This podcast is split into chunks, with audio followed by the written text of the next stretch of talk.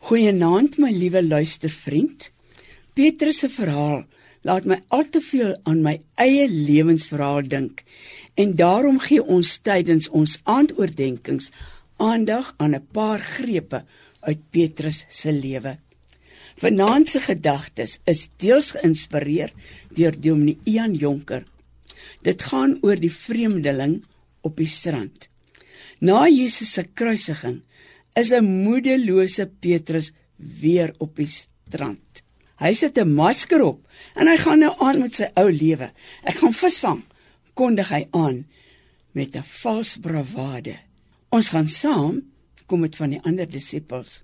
Moedeloos kom hulle met 'n leeskuit op die strand aan. Gooi julle nette aan die regterkant uit, sê 'n vreemdeling van die strand af. Hulle gehoorsaam die man en vang toe so ontsaglik baie vis dat hulle nette wou skeur. Iets gebeur met Petrus. Hy onthou dat dieselfde 3 jaar gelede gebeur het, toe Jesus hom geroep het en hy erken Jesus. Getrou aan sy aard, vurig en haastig, trek hy sy hemp aan en spring in die water en swem vinnig kant toe. Die ander ouens moet nou maar alleen sukkel met die net vol vis. Petrus onthou Hy onthou weer dinge uit die verlede. Hoe Jesus hom geroep het met die woorde: "Simon, volg my." En vir hom gesê het dat hy Petrus, 'n visser van mense sal word.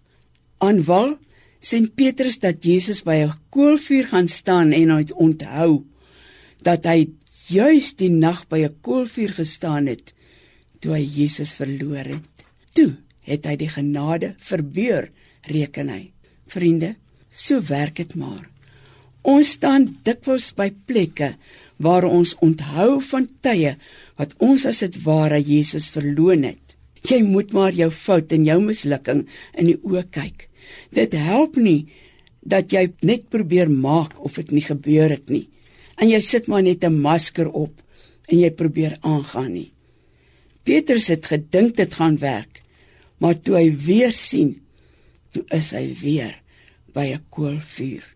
Baie mense leef agter maskers, valse voorkoms, vermommings, soos Petrus gedoen het. Dit gaan jou nie help nie.